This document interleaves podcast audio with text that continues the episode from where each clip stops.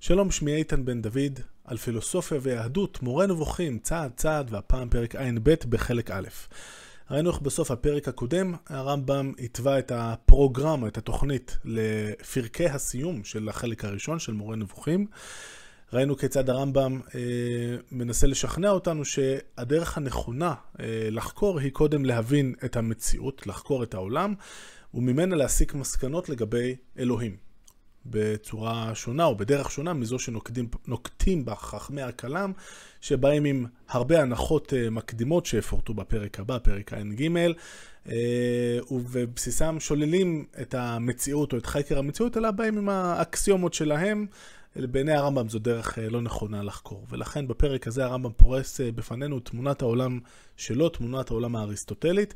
את רוב הדברים אנחנו כבר מכירים מהפרקים הקודמים, אבל כאן זה באמת שיטתי ומסודר. אמ, ורק נגיד כמילת אה, פתיחה אחרונה, שאומנם הדברים שיש כאן הם זרים לאוזן המדעית אה, של בני המאה ה-21, אבל אה, בסוף צריך לזכור שזאת תמונת עולם שהחזיקה מעמד יפה מאוד, סדר גודל פחות או יותר של אלפיים שנה, עד, עד המדע החדש ותגליותיהם של אנשים כמו גלילאו גלילי. והגישה המדעית החדשה, כמו למשל אצל רנה דקארט ורבים נוספים, אז שווה לקחת את הזמן שייקח לנו אה, כדי להבין את תמונת העולם של האנשים האלה שתפסה אה, מקום של כבוד במשך הרבה מאוד זמן.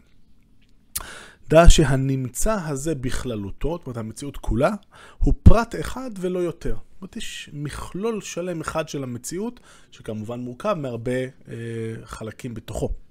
כלומר, כדור הגלגל הקיצון, עם כל מה שבתוכו, הוא בלי ספק פרט אחד, שהוא בבחינת ראובן ושמעון מצד הפרטיות. זאת אומרת, אם המודל שלנו בסופו של דבר מין כדור אחד ענק, שבתוכו מתקיים אה, כל העולם שלנו עם כל הכוכבים וכולי, בסוף זה פרט אחד. השוני של עצמיו, דהיינו עצמי הכדור הזה על כל מה שבתוכו, הוא כשוני בעצם בין איברי פרט אחד ממין האדם.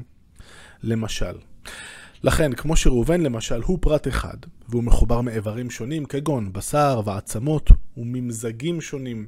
המזגים האלה זה הלחויות או הליכות לפי התורה אה, שהרמב"ם מחזיק בה, מבית מדרשם אה, של אה, גלנוס וממשיכיו. ומרוחות, הדרך להסביר למשל איך השרירים פועלים זה שיש בגוף שלנו רוחות אה, ש... שעוזרות לנו אה, להניע את האיברים השונים. כן, הכדור הזה בכללותו מחובר מן הגלגלים וארבעת, ומארבעת היסודות וממה שמורכב מהם. אין בו ריקנות כלל, אין ואקום, אלא הוא אטום וממולא. מרכזו הוא כדור הארץ. המים מקיפים את הארץ, האוויר מקיף את המים, והאש מקיפה את האוויר. הרעיון היה שלכל אחד מארבעת היסודות יש את המקום הטבעי לו, מה שמסביר למה דברים כבדים נופלים למטה והאש עולה למעלה. הגוף החמישי מקיף את האש, והוא כדורים רבים. זה בתוך זה, אשר אין ביניהם חללים ולא ריקנות כלל. זאת אומרת, אלו הם הגלגלים ש... במודל שמזכיר קליפות אה, של בצל, הם מכילים בעצם את הכוכבים, והם עשויים לא מה, אה, מארבעת היסודות שיש לנו כאן, שהם כל הזמן הובים ונפסדים, קלים ומתחדשים, אלא יסוד חמישי כלשהו, אה, שנקרא אייטר, שאנחנו לא יודעים, אין לנו שום דרך לדעת, לפי השיטה הזאת, מה בדיוק הולך שם, אבל אנחנו יודעים שהוא לא אחד מארבעת היסודות שלנו. אלא הם עגולים בצורה משוכללת, זאת אומרת, אה, כדור מושלם אה, במונחים מודרניים, דבוקים זה בזה. כולם נעים תנועה סיבובית קבועה. רצוני לומר שכל כדור מהם אינו ממהר פעם ומאט פעם אחרת, אלא כל אחד צמוד לטבעו, במהירותו ובכיוון תנועתו. זאת תנועה קבועה של אה, מהירות לכיוון אחד במהירות קבועה. אבל אחדים מכדורים אלה מהירים יותר בתנועתם מאחרים. המהיר שבכולם בתנועתו הוא הגלגל המקיף את הכל, הוא אשר נע תנועה יומית, אה, משלים סיבוב סביב עצמו פעם ב-24 שעות, הוא מניע את כולם עמו בתנועת החלק בכל, כי כולם חלקים בו. מרכזיהם של גלגלים אלה שונים. זאת אומרת, היינו מצפים אה, במודל הפשטני שהמרכז של הכל זה איפה שנמצא כדור הארץ, אבל כמו שאנחנו יודעים, זה לא ממש אה, מסתדר עם האסטרונומיה, מהסיבה הפשוטה שכמו שאנחנו יודעים לומר היום, התנועות של כוכבי הלכת אינן תנועות מעגליות, אלא הן אליפטיות, והקדמונים כבר שמו לב לעניין הזה. הדרך שלהם להתגבר על זה במודלים שהתלבשו על המודל המקורי של הגלגלים זה שיש עוד איזה שהן תנועות משנה. או שזה גלגלים שהמרכז שלהם הוא לא אה, מרכז העולם, כדור הארץ, או שיש עוד אה, מה שנקרא אפיציקלים, לא ניכנס לזה יותר מדי, כי, כי באמת זה לא פה המקום, אבל יש עוד איזה סיבוב משנה עם גלגלים קטנים בתוך הגלגלים הגדולים. אה, זה היה הרעיון באופן כללי, וכמו שנראה, תכף הרמב"ם ישאיר את זה פתוח, אבל הוא יציין את זה שהדברים לא כל כך פשוטים כמו שהם נראים. אז מרכזיהם של גלגלים אלה שונים. מהם כאלה שמרכזם מרכז העולם, ומהם כאלה שמרכזם חוץ למרכז העולם. מהם הנעים תמיד תנועתם המיוחדת להם מן המזרח אל המערב, ומהם הנעים תמיד מן המערב אל המזרח. כל כוכב בכדורים אלה הוא חלק מן הגלגל אשר הוא בו. זאת אומרת, כל אחד מכוכבי הלכת הוא לכאורה תקוע בתוך הגלגל שלו, וכשהגלגל מסתובב, הכדור, הכוכב הזה מסתובב יחד איתו. הוא קבוע במקומו ואין לו תנועה מיוחדת לו. הוא נראה נע רק בגלל תנועת הגוף אשר הוא חלק ממנו. החומר של הגוף החמישי הזה בכללותו, הנע במעגל, אינו כחומר של הגופים של ארבעת היסודות אשר בתוכו. זאת אומרת, החומר שממנו עשויים הגלגלים, זה לא כמו ארבעת היסודות שיש לנו כאן. כמה גלגלים יש? אי אפשר בשום פנים ואופן שמספר הכדורים האלה המקיפים את העולם יהיה פחות מ-18 כדורים. אפשר שמספרם גדול יותר. הדבר צריך עיון.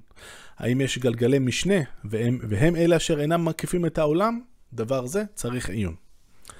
בתוך הכדור הזה הנמוך, הסמוך אלינו, יש חומר אחד השונה מחומרו של הגוף החמישי. זאת אומרת, הרעיון כאן שלפני שנוצרו ארבעת היסודות שאנחנו מכירים בעולם שלנו, האוויר, האש, המים והאדמה, כולם נבעו מחומר אחד ראשוני, החומר ההיולי. זה המונח היווני המקורי. חומר זה קיבל ארבע צורות ראשונות. בארבע אלה הוא נעשה, או נעשה ארבעה גופים. אה, סליחה, האדמה, המים, האוויר והאש. לכל אחד מארבעה האלה יש מקום טבעי מיוחד לו, והוא אינו נמצא בזולתו כשהוא עזוב לטבעו. אלה הם גופים דוממים, אשר אין בהם חיים ולא השגה. זאת אומרת, אה, למי שחשב אחרת, האש למשל היא לא דבר חי, ולאף אחד מארבעת היסודות האלה אין תבונה משלו. אין הם נעים מעצמם, אלא נחים במקומותיהם הטבעיים. אם מוציאים אחד מהם ממקומו בכפייה, אזי כאשר הגורם הכופה נעלם, ינוע הגוף לחזור אל מקומו הטבעי. כי יש בו העיקרון הזה אשר בגללו הוא ינוע בקו ישר לחזור אל מקומו. אין בו עיקרון אשר הוא ינוח בגללו, ולא שינוע שלא בקו ישר. התנועות הישרות המצויות לארבעת היסודות האלה, בשעה שהם נעים לחזור למקומותיהם, הן שתי, הן שתי תנועות. תנועה כלפי הגלגל המקיף, והיא לאש ולאוויר, ותנועה כלפי המרכז, והיא למים ולארץ. או במונחים שלנו, מים וארץ יורדים למטה, ואוויר ואש עולים למעלה. כאשר כל אחד מהם מגיע אל מקומו הטבעי, הוא נח. ואילו אותם גרמים עגולים, זאת אומרת, אה, אה, אותם גלגלים, הם חיים ובעלי נפש, אשר באמצעותה הם נעים. זאת אומרת, התפיסה היוונית המקורית אומרת שמה זה דבר חי, זאת הגדרה שהיא לא ביולוגית, אלא הגדרה שהיא קודם כל אה, קינטית, אפשר לומר. אם משהו נע, וזה יכול להיות תנועה סיבובית או תנועה בקו ישר או מה שלא יהיה, מכוח עצמו, סימן שהוא חי. ואם הוא חי, אז גם יש לו נפש. ולכן הגלגלים, כמובן, לפי, ה, לפי הגישה הזאת, גם הם יהיו חיים. ואילו אותם גרמים עגולים הם חיים ובעלי נפש אשר באמצעותה הם נעים. אין בהם עיקרון של מנוחה כלל. לא חל בהם שינוי, אלא בתנוחה בתנועתם הסיבובים. הסיבובית. אם יש להם שכל שבאמצעותו הם יוצרים מושגים מופשטים, זאת אומרת חושבים כמונו, דבר זה אינו ברור אלא לאחר עיון מדוקדק. כאשר נע הגוף החמישי בכללותו תמיד סביב, נוצרת בשל כך תנועה כפויה ביסודות, רצוני לומר באש ובאוויר, המוציאה אותם ממקומותיהם כך שהם נדחפים אל המים, והכל חודר אל תוך גרם הארץ, אל מעמקיה.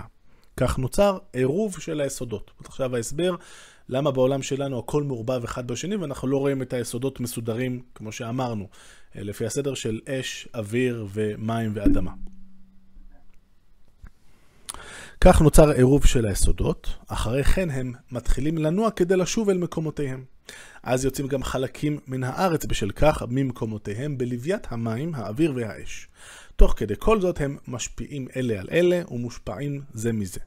כך נוצר שינוי בתערובת, באופן שראשית נוצרים ממנה הקיטורים למיניהם השונים. אחרי כן המחצבים למיניהם, זאת כל המינרלים, וכל מיני הצמחים ומינים רבים של בעלי חיים, בהתאם למה שמצריך המזג של התערובת. כל מה שמתהווה וכלה, מתהווה מן היסודות וכלה עליהם.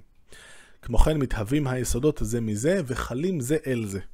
שכן החומר של הכל, החומר ההיולי המקורי הוא אחד. זאת אומרת, אז יכול להיות שיהיה לנו מעבר של חומר שקצת אה, אש תהפוך להיות קצת אוויר וכן הלאה. ולא תיתכן מציאותו של חומר בלי צורה, ולא נמצאת צורה טבעית מאותן צורות מתהוות וחלות בלי חומר. תמיד חומר וצורה אה, משולבים יחד. יש יוצאים, אה, יוצאי דופן מעטים מאוד, שנקראים הזכלים הנבדלים, שאלה הן צורות ללא חומר, אבל על זה לא עכשיו. מכאן שהעניין של התהוותם וכיליונם, והתהוות כל מה שמתהווה מהם וכלה עליהם, חוזר במעגל בדומה לסיבוב הגלגל, באופן שתנועת החומר הזה, המקבל צורה על ידי ההתחלפות הרצופה של הצורות עליו, היא כתנועת הגלגל באיפה. כך שאותן תנוחות עצמן חוזרות לכל חלק שלו. היו פה כמה משפטים לא כל כך uh, מובנים, אבל בסופו של דבר הרעיון הכללי הוא שהתנועה של הגלגל החיצוני העליון מניעה את התנועה של הגלגלים שמתחתיו, ואלה בסופו של דבר ההשפעה שלהם על העולם שמתחת לגלגל הירח, כלומר העולם שלנו, כדור הארץ, היא ערבוב מתמיד של היסודות. כשם שבגוף האדם יש איברים שליטים ואיברים נשלטים, הזקוקים לשם המשך קיומם להנהגת האיבר השליט המנהיג אותם, כך בעולם כולו בכללותו יש חלקים שליטים. דהיינו, הגוף החמישי המקיף וחלקים נשלטים הזקוקים למנהיג, דהיינו היסודות ומה שמורכב מהם. זאת אומרת, יש איזושהי היררכיה. היסודות מונהגים, היסודות שלנו כאן, מונהגים על ידי היסוד החמישי של הגלגלים שמסתובבים. כשם שהאיבר הראשי, בגוף האדם למשל, אשר הוא הלב, נע תמיד, והוא העיקרון או הראשית של כל תנועה המצויה בגוף, ושאר איברי הגוף נשלטים על ידו, והוא שולח להם בתנועתו את כוחותיהם אשר הם זקוקים לה, לפ, להם לפעולותיהם. באותה צורה, כן, הגלגל הוא המנהיג בתנועתו, בתנועתו את כל חלקי העולם, והוא שולח לכל מתהווה את הכוחות המצויים בו. מכאן, שכל תנועה המצויה בעולם, ותנועה זה לאו דווקא תנועה במקום, אלא כל שינוי שמתרחש בכל דבר בעולם. עקרונה הראשון, או הראשית, או הסיבה בסופו של דבר לשינוי הזה, עקרונה הראשון הוא תנועת הגלגל. וכל נפש המצויה לכל בעל נפש בעולם, עקרונה נפש הגלגל. אוקיי? לגלגל יש גם נפש, והיא בעצם אחראית על כל הנפשות בעולם. דע שהכוחות המגיעים מן הגלגל אל העולם הזה, כפי שכבר התברר, הם, ארבע, הם ארבעה כוחות. א', כוח המחייב ערבוב והרכבה, ואין ספק שכוח זה מספיק כדי ליצור את המחצבים. ב', כוח הנותן לכל צמח את הנפש הצמחית. ג', כוח הנותן לכל חי את הנפש החייתית. וד', כוח הנותן לכל מדבר את הכוח המדבר. ויש לנו כאן את החלוקה ההיררכית של אה, העולם בעצם לארבע דרגות, חלוקה שכבר ראינו. יש את העולם הדומם, את הצומח, את החי ואת המדבר, שזה בעצם אה, היצורים או הדברים בעלי כוח החשיבה, כמובן מדובר על בני אדם. כל זאת באמצעות הזוהר והחושך שבעקבות אורם וסיבובם סביב הארץ. עכשיו הרמב"ם ימשיך את המטאפורה או את האנלוגיה בעצם ללב ולאיברים בגוף האדם. כשם שאילו נח הלב כהרף עין, היה הפרט מת, וכל תנועותיו וכוחותיו בטלים, כך אילו נחו הגלגלים, היה זה מות העולם והתבטלות כל אשר בו. וכשם שהחי חי כולו רק בתוקף תנועת ליבו, אף על פי שיש בו איברים נחים אשר אינם חשים, כגון עצמות, סחוסים ואחרים, כך המציאות הזאת היא פרט אחד החי בתנועת הגלגל, אשר הוא בו בבחינת הלב ביחס לבעל הלב. אף על פי שיש בו בעולם גופים נחים דוממים רבים. לכן, כך ראוי לך לתאר את כללות הכדור הזה כפרט אחד, חי, נע, בעל נפש, כי אופן זה של תיאור נחוץ מאוד, או מועיל מאוד, בהוכחה המופתית שהאל הוא אחד, כפי שנסביר. זה אה, בחלק השני של מורה נבוכים. לפי התיאור הזה גם מתברר שהאחד ברא רק אחד. אנחנו נבין שם למה יש רק עולם אחד, יקום אחד, לצורך העניין. כשם שאי אפשר שיימצאו איברי אדם בנפרד כשהם איברי אדם באמת, כלומר שיהיה הכבד נפרד, או הלב נפרד, או בשר נפרד, כן אי אפשר שיימצאו חלקי העולם זה בלא זה, במציאות קבועה זאת אשר עליה אנו מדברים, באופן שתימצא אש בלי ארץ, או ארץ בלי שמיים, או שמיים בלי ארץ. זאת אומרת, חייב, יש הכרח שיהיה את אותו מכלול שכולל את הכל.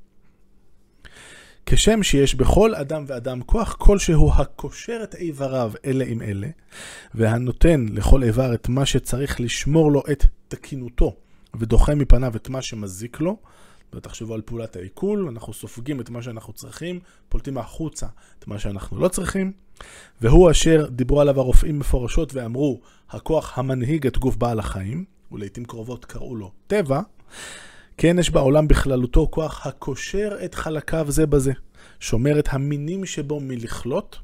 הערת אגב, בתפיסה האריסטוטלית, המינים בעולם הם קבועים.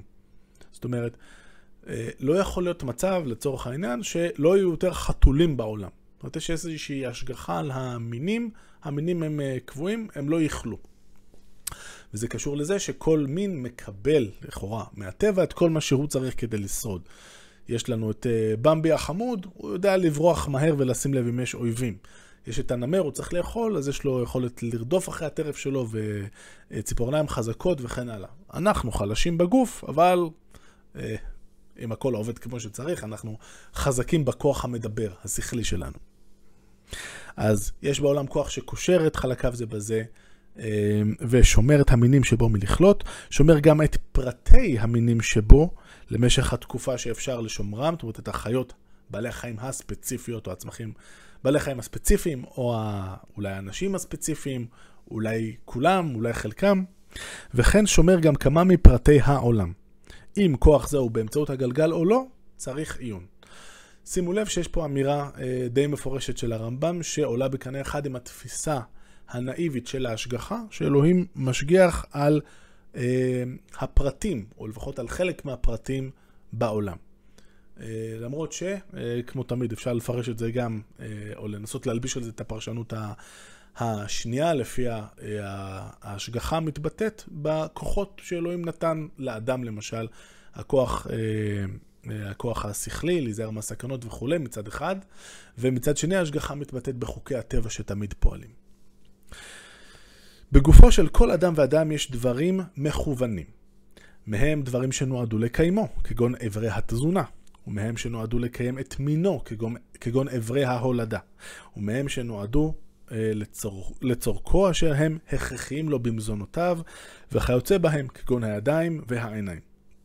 יש, גם, יש בו גם דברים לא מכוונים לעצמם, אלא שהם נובעים ונמשכים אחר מזגם של אותם איברים, אשר אותו מזג מיוחד הכרחי לשם קיום אותה צורה כפי שהיא, כדי שהיא תפעל את הפעולות המכוונות. מכאן שקיומו של מה שהוא מכוון גורר אחריו, בהתאם להכרח החומר, דברים אחרים, כגון שיער הגוף וצבעו. לכן אין עניינם של אלה נוהג על פי סדר. לעתים קרובות נעדר חלקם. יש בהם גם הבדל כמותי גדול מאוד בין האנשים, כפי שאין לגבי האיברים. שהרי לא תמצא אדם שיש לו כבד גדול פי עשרה מכבדו של אדם אחר, אבל אתה מוצא למשל אדם חסר זקן או שיער במקומות מסוימים בגוף, או שיש לו זקן פי עשרה או פי עשרים מזקנו של אדם אחר. כן הוא על פי, על פי רוב בתת מין זה, כוונתי להבדל הכמותי בשיער ובצבעים. באותו אופן הרמב"ם כל, לאורך כל הפרק הזה בעצם אה, מבצע את האנלוגיה הזאת בין גוף האדם לבין העולם. נראה לקראת סוף הפרק את המקומות, את שלושת ההבדלים שהוא משרטט אה, ב, אה, בשני הכתבים האלה של האנלוגיה. כן הוא על פי רוב בתת מין זה, אמרנו, כוונתי להבדל הכמותי בשיער ובכמותו, סליחה, בשיער ובצבעים. באותו אופן יש במציאות כולה מינים המכוונים להתהוות, קבועים ונוהגים על פי סדר. אשר אין ביניהם אלא הבדל מועט בהתאם למקרה של מין זה באיכותו ובכמותו. זאת אומרת, יש מינים כמו המין של, אה, של האדם, שהכל נורא מתוכנן ומסודר, ומה יש בעצם, מה הצד השני, אז בואו נראה, ושוב, לזכור, שונה מהדרך שבה אנחנו חושבים במאה ה-21. ויש מינים שאינם מכוונים, אלא נובעים מטבע ההתהוות והכיליון הכלליים, כגון מיני התולעים הנוצרות באשפתות, ומיני בעלי, חיים, בעלי החיים הנוצרים בפירות כאשר הם נרקבים, ומה שנוצר מרקבון הלחויות, והתולעים הנוצרות במעיים וכיוצא באלה. Uh, כמובן, הרמב"ם uh, לא היה חשוף לתגליות המדעיות שהגיעו אחרי כמה מאות uh, שנים. התפיסה אז הייתה שנניח תולעים או זבובים זה משהו שנוצר באופן ספונטני, זאת הייתה המילה, זה המונח, כשדברים נרקבים ומונחים לנפשם. ובכלל נראה לי שכל מה שלא נמצא בו כוח להוליד כמותו, הוא, הוא כיוצא בו. זאת אומרת, התפיסה הייתה למשל לגבי תולעים שהן לא מסוגלות להתרבות כמו היצורים המתוחכמים יותר, פשוט אין להם את היכולת הזאת, הן רק נוצרות באותו אופן ספונטני. ולכן אין אתה מוצא שהם שומרים על סדר, אף על פי שאי אפשר בלעדיהם, כשם שאי אפשר מבלעדי צבעים שונים, ואי אפשר בלי מיני שיער בבני אדם שונים. כשם שיש באדם גופים שכל פרט מהם קבוע, כגון האיברים העיקריים, ואיברים הנשארים קיימים במין ולא בפרט, כגון ארבע הלחויות, כן יש במציאות בכללותה גופים קבועים הנשארים קיימים בפרט, דהיינו הגוף החמישי בכל חלקיו, וגופים הנשארים קיימים במין, כגון היסודות ומה שמורכב מהם. זאת אומרת, אה, פסקה קצרה היא לא כל כך אה, אולי מובנת, אני חושב שהעניין העיקרי הוא פה אה, לומר שיש אה, יסודות שהם משותפים, או אספקטים שהם משותפים לכל בני אדם, לכולנו יש את ארבע הלחויות השונות. שוב, זו תורת המרות, זה עוד אה, מונח של גלנוס, יש את המרה הירוקה או הצהובה, המרה השחורה, המרה הלבנה והמרה האדומה. לכולנו יש אותם, ולכל אחד יש אותם בפרופורציות שונות, מה שכמובן גם מסביר את הבדלי המזג, זו מילה בעברית שבעצם משמרת, אגב. אה, זה מאוד מעניין, את התפיסה הזאת של אה, גלנוס. אה, הוא יש לו מזג טוב, זה פשוט המזיגה של הלחרויות השונות. כשם שכוחות האדם המחייבים את התהוותו ואת קיומו במשך הזמן שהוא קיים, הם בעצמם המחייבים את כיליונו והישחתו, זאת אומרת, אנחנו... הסיבה שאנחנו מצליחים לחיות זה בגלל שאנחנו אוכלים משהו ואנחנו יכולים לנצל את העובדה שהוא כל הזמן, כל הדברים בעולם מתהווים וחלים. אז הביסקוויט שאני אוכל מתפרק אצלי בגוף, וזה מה שמאפשר לי אה, לפעול ולהזין את הגוף שלי. בסופו של דבר, אה, הסיבה שאני גם מתפרק בסופו של דבר ומת, ואני קלה והופך לדברים אחרים, זה פשוט, אה, זה הצד השני של אותו מטבע. כך סיבות ההתהוות הן בעצמן סיבות הכיליון בכל עולם ההתהוות והכיליון. למשל, ארבעת הכוחות הנמצאים בגופו של כל ניזון, והם המושך, העוצר, המעכל והדוחה, זה הניסוח של אה, בעצם הפונקציות השונות של מערכת העיכול, אנחנו מושכים אלינו חלק מהדברים, אנחנו דוחים חלק מהדברים וכן הלאה. אילו היה אפשר שכוחות אלה יהיו כמו הכוחות השכליים, כך שלא יפעלו אלא מה שראוי, ובזמן הראוי, ובמידה הראויה, היה האדם ניצל מפגעים גדולים וממחלות מרובות. לא נשכח שכותב את זה רופא. אולם מכיוון שאין זה אפשרי, שאיברי העיכול שלנו יפעלו בצורה אה, מסודרת כמו, כמו השכל, אלא הם פועלים פעולות טבעיות בלי מחשבה ושיקול דעת, ואינם משיגים כלל את מה שהם פועלים, נובע מכך שנוצרות בגללם מחלות קשות ופגעים. אף על פי שהם הכלי להתהוות בעל החיים ולקיומו לאורך התקופה שהוא, שהוא קיים. אומרת, בסופו של דבר המערכת שלנו של העיכול היא מערכת, היום היינו אומרים, אה, לא רצונית, אה, ואנחנו לא שולטים בה, ומה לעשות, זה מוביל אה, מדי פעם גם לתקלות. ההסבר של זה הוא שהכוח המושך, למשל, אילו משך רק את הדבר המתאים מכל הבחינות, ובמידה הדרושה בלבד, היה האדם ניצל ממחלות ופגעים רבים. אבל אין הדבר כן, אלא הוא מושך כל חומר המזדמן מסוג משיכתו. ואם חומר זה סוטה במעט בכמותו ובאיכותו, נובע מכך שהוא מושך חומר שהוא חם יותר ממה שדרוש, או קר יותר ממה שדרוש, או גס יותר, או עדין יותר, או מרובה יותר. כתוצאה מכך נחסמים העורקים, נוצרים סתימה וריקבון, איכותן של הלחויות, אותן מרות נפסדת, כמויותיהן משתנות ונוצרות מחלות כמו שחין, גרדת וגבשושיות או פגעים קשים, כגון הגידול הסרטני, הצרעת והמקק, עד שצורת האיבר או האיברים נשחטת. כן הדבר בכל ארבעת הכוחות. כך ממש הדבר בכלל המציאות. אותו הדבר המחייב התהוות המתהווה והתמדת מציאותו במשך תקופת מה, והוא עירוב היסודות בכוחות הגלגלים המניעים אותם, המפוזרים בהם, הוא עצמו הסיבה להיווצרות גורמים מזיקים במציאות, כגון שיטפונות, גשמי זעף, שלג, ברד, רוחות סוערות, רעמים, ברקים ועיפוש האוויר, או היווצרות גורמים קטלניים מאוד המכלים עיר או ארצות או אזור גיאוגרפי. כגון שקיעת הקרקע, רעידות אדמה, חזיזים הניתחים מן השמיים, ומים שוטפים מן הימים והמצולות. הרעיון ברור, ורק נעיר פה אה, לרגע שזה דבר שיתכתב עם דיון שהרמב"ם יעשה אה, בחלק השלישי, אודות הרע בעולם. ובעצם אנחנו אה, מתחילים להבין כאן שדברים כמו רעידות אדמה וכולי, זה לאו דווקא כי אלוהים מעניש אותנו, אלא פשוט כי זה טבע הדברים. טבע הדברים במובן הכי בסיסי, כמו שהדברים שמאפשרים את הקיום השוטף והתקין והשלב של העולם, בסופו של דבר אין ברירה אלא שמדי פעם הם יתבטאו באיזה רעידת אדמה שתגרום לנזק גדול מאוד. זה לאו דווקא בגלל שאלוהים אולי רוצה להעניש אותנו. דע שאומרים על האדם שהוא עולם קטן, לא בגלל מה שאמרנו שמדמים את העולם כולו לפרט אחד מבני האדם. שהרי דימוי זה נוהג אף בכל פרט מפרטי בעלי החיים השלמים באיבריהם. ומעולם לא שמעת איש מן הראשונים שאמר שחמור או סוס הם עולם קטן. אלא הדבר נאמר על האדם רק בגלל העניין המיוחד לאדם, והוא הכוח המדבר. דהיינו השכל אשר הוא השכל ההיולי. זאת אומרת, הפוטנציאל השכלי שיש בכל אחד מאיתנו, פוטנציאל שכידוע לא כולנו נממש אותו. עניין זה אינו מצוי באף אחד ממיני בעלי החיים זולתו. ההסבר לכך הוא ששום פרט מפרטי בעלי החיים אינו זקוק לשם המשך מציאותו לחשיבה, שיקול דעת והנהגה, אלא הולך ורץ בהתאם לטבעו. אוכל מה שהוא מוצא ממה שמתאים לו, חוסה באיזה מקום שמזדמן לו, וקופץ על נקבה כלשהי בעת ייחומו, אם יש לו תקופת ייחום. כתוצאה מכך ימשיך פרט זה להתקיים במשך הזמן שהוא מתקיים, ונמשכת מציאות מינו. אין הוא זקוק כלל לפרט אחר ממינו, שיעזור לו ויסייע לו לשרוד, באופן שיעשה בשבילו דברים שאין הוא עושה בעצמו.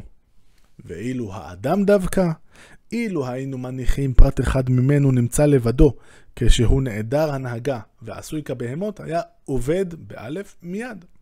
הישרדותו אפילו יום אחד לא הייתה אפשרית, אלא במקרה. רצוני לומר שמצא במקרה דבר שיזון עצמו בו. כי מזונותיו אשר עליהם קיומו, צריכים למלאכה והנהגה ארוכה, אשר לא תשלם אלא במחשבה ושיקול הדעת. בחלים רבים, וגם על ידי אנשים רבים, אשר לכל אחד מהם העיסוק המיוחד לו. לכן צריך מישהו שישלוט בהם ויאגדם, כדי שהתאגדותם תהיה סדורה ותמשיך להתקיים כדי שיסייעו זה לזה. גם לשם ההגנה מפני החום בזמן החום, ומפני הקור בזמן הקור, והשמירה מן הגשמים, השלגים ונשיבת הרוחות, הוא צריך להכין הכנות מרובות, אשר כולן לא תתבצענה, אלא במחשבה ושיקול הדעת. לכן נמצא בו כוח מדבר זה, אשר בו הוא חושב, שוקל בדעתו, עושה ומכין באמצעות מינים שונים של מלאכות את מזונותיו, מחסהו ומלבושו, ובאמצעותו הוא מנהיג את כל אברי גופו כדי שיפעל השליט בהם את פעולתו, ויונהג האיבר השליט שביניהם כפי מה שיונהג. לפיכך, אילו היית מניח איש מן האנשים משולל כוח זה, הכוח השכלי, עזוב לכוחו החייתי בלבד, היה עובד וכלה מיד. כוח זה נכבד מאוד, הוא הנכבד מכל כוחות בעלי החיים. הוא גם נסתר מאוד. אמיתתו אינה מובנת במחשב, במחשבה הראשונה המשותפת. זאת אומרת, כשאנחנו רק מתחילים לעיין במציאות. כפי שמובנים שאר הכוחות הטבעיים. כן יש במציאות, שוב האנלוגיה הרגילה, דבר, דבר מה המנהיג את כללותה, המניע את האיבר השליט הראשון שלה, אשר נתן לו כוח הנאה, כך שבו הוא מנהיג את מה שזולתו. אילו היינו מניחים שבטל אותו דבר, הייתה בטלה מציאותו של הכדור הזה כולו. זאת אומרת, הדבר הזה הוא כמובן אלוהים, אז אם אנחנו נניח שאלוהים בטל, כל היקום, כל העולם מתבטל מיד. מה ששליט בו הוא מה שנשלט בו. בתוקף הדבר הזה נמשכת מציאותו של הכדור ושל כל חלק בו. דבר זה הוא האלוה, יתעלה שמו. רק במובן זה נאמר על האדם שהוא עולם קטן, כי יש בו עיקרון כלשהו המנהיג את כולו. בשל העניין הזה נקרא האל יתעלה בלשוננו חיי העולם, ונאמר, ציטוט מדניאל, וישבע בחי העולם. אה, הזכרתי קודם שהרמב"ם יגיד, אוקיי, יש לנו את האנלוגיה הזאת, אבל יש שלושה הבדלים, או שלושה אה, ניואנסים שצריך לשים לב, שבגללם האנלוגיה הזאת אינה שלמה. דע שהדימוי הזה אשר דימינו את העולם בכללותו לפרט אחד מבני האדם, אין לחלוק עליו בשום דבר ממה שהזכרנו, אלא בשלושה דברים. אחד, שהאיבר השליט של כל בעל חיים שיש לו לב, מפיק תועלת מן האיברים הנשלטים. זאת אומרת, הלב אה, בעצם הוא גם נהנה, מפיק תועלת משאר הגוף. תועלתם מגיעה אליו. במציאות הכוללת אין דבר כזה, אלא כל מי שמאציל הנהגה או נותן כוח, אינו מפיק שום תועלת מן הנשלט. אלא נתינתו את מה שהוא נותן לו, היא כנתינת מי שעושה חסד וטובה, ופועל מתוך נדיבות שבטבעו, ומעלה התבואה באופיו, לא מתוך ציפייה לתועלת, כדי להידמות לאלוה יתעלה שמו. אה, מדי פעם יש איזו אמירה לפיה בעצם הרמב"ם אה, דווקא נורא זרם עם כל עניין הקבלה אה, וכולי, יש גם כל מיני מכתבים מזויפים בשמו כביכול. צריך להגיד שבחלק מהזרמים של הקבלה, לא בכולם, הרעיון של קיום המצוות הוא מה שנקרא צורך גבוה. אנחנו מקיימים את המצוות כדי באיזשהו אופן לעזור לאלוהים לתקן את המציאות וכולי. וכמו שאפשר לראות, הרמב"ם מאוד לא היה אוהב את הרעיון הזה. אלוהים לא מפיק תועלת מאיתנו בשום צורה. ההבדל השני. השני הוא שליבו של כל בעל חיים שיש לו לב הוא באמצעיתו. שאר האיברים הנשלטים מקיפים אותו כדי שיפיק תועלת מכולם שיגנו וישמרו עליו כדי שלא ימהר אליו נזק מבחוץ. ויש לנו אה, כמובן, אה, הלב נמצא מוגן מאחורי כלוב הצלעות וכולי וכולי. בעולם בכללותו הדבר הפוך. הנכבד יותר בו מקיף את הנקלה יותר, כי הוא בטוח מלקבל השפעה מזולתו. זאת אומרת, הדבר הכי נכבד, הרעיון הבסיסי הוא שהגלגלים הם הרבה יותר נכבדים מכל מה שיש כאן, גם כי התנועה שלהם היא מושלמת, היא סיבובית, והיא קבועה, הם לא מתעייפים, הם לא קלים וכולי, והרעיון הוא שהם נכבדים יותר, וכמו שראינו, התנועה שלהם היא הבסיס לכל מה שקורה בעולם כאן. זאת אומרת, מה שנמצא בפנים מושפע ממה שנמצא בחוץ. מה שנמצא בחוץ לא מושפע ממה שנמצא בפנים. זה, זה המודל של העולם. אף אילו היה עשוי לקבל השפעה, הגלגלים, לא היה מוצא מחוץ לעצמו גוף אחר שישפיע עליו, לפחות הגלגל הקיצוני. לכן הוא מאציל על מה שבתוכו ואין מגעת אליו השפעה כלל, ולא כוח מגופים אחרים. גם כאן יש דמיות כלשהי, כי בבעל חיים, כל מה שאיבר רחוק יותר מן האיבר הראשי, הוא פחות נכבד מן האיברים הקרובים אליו. כן הוא הדבר בעולם כולו. ככל שהגופים קרובים יותר למרכז, הם עכורים. העצם שלהם גס, תנועתם קשה, ואורם ושקיפותם נעלמים בשל ריחוקם מן הגוף הנכבד, המאיר, השקוף, הנע, העדין, הפשוט, דהיינו הגלגל. ככל שגוף מתקרב אליו, הוא רוכש משהו מן התכונות האלה בהתאם לקרבתו, ונעשה לו כבוד כלשהו ביחס למה שנמוך ממנו. זאת אומרת, למשל, אה, האש נמצאת מעל האוויר, אה, ואם נשווה אותה לאוויר ולמים ולאדמה, ככל שאנחנו מתקרבים יותר, מתרחקים מהגלגלים, מתקרבים יותר למרכז, הכל נעשה יותר גס, יותר אה, מוחשי, יותר עכור וכן הלאה. ההבדל השלישי. השלישי הוא שכוח מדבר זה הוא כוח בגוף, בלתי נבדל ממנו. וזה עניין חשוב. אה, כי אצל הרמב"ם, בניגוד לתפיסה שאני חושב שהיא בבסיס התפיסה של כולנו, של נפש וגוף, זה לא שיש את הגוף ויש את הנפש והיא אחראית על, על התפיסה השכלית וכולי. התפיסה השכלית בסופו של דבר, או הפוטנציאל השכלי, זה משהו שהוא גופני.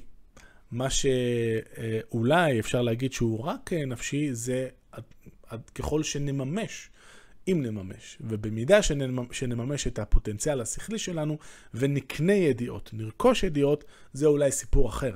אבל הכוח המדבר כשלעצמו, הפוטנציאל השכלי שלנו, הוא פונקציה גופנית אצל הרמב"ם, וחשוב תמיד לזכור את זה, כי זה שונה מהתפיסה הנאיבית שלנו כאן במאה ה-21. אז השלישי הוא שכוח מדבר זה הוא כוח בגוף, בלתי נבדל ממנו. בעוד האל יתעלה אינו כוח בגוף העולם, אלא הוא נבדל מכל חלקי העולם. הנהגתו יתעלה והשגחתו מתלוות, אל העולם בכללותו התלוות, אשר מהותה ואמיתתה נסתרת מאיתנו. שימו לב, אמירה פה שהדרך שבה אלוהים משגיח ומנהיג את העולם זה משהו שאנחנו לא מסוגלים לתפוס. כוחו של בשר ודם קצר מלהבין זאת. שכן יש הוכחה מופתית לכך, הוכחה מופתית, לוגית, בלתי ניתנת לערעור, לכך שהוא יתעלה נבדל מן העולם ומנותק ממנו. כן מוכחת הוכחה מופתית הימצאות רשמי הנהגתו והשגחתו בכל חלק מחלקי העולם, זעיר ובזוי ככל שיהיה. השבח למי ששלמותו מסנוורת את עינינו. דע שהיה ראוי שנד... שנדמה את יחס האל יתעלה לעולם ליחס האל, השכל הנקנה אל האדם.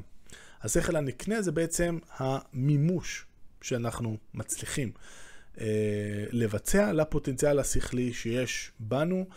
אה, שוב, לא כולנו ולא כולנו באותה מידה כמובן, אבל ככל שאנחנו לומדים אה, דברים אה, שבסופו של דבר מכוונים למושא הנעלה מכל אה, אלוהים, כפי כוח האדם, ככה אנחנו בעצם קונים לנו ידיעות.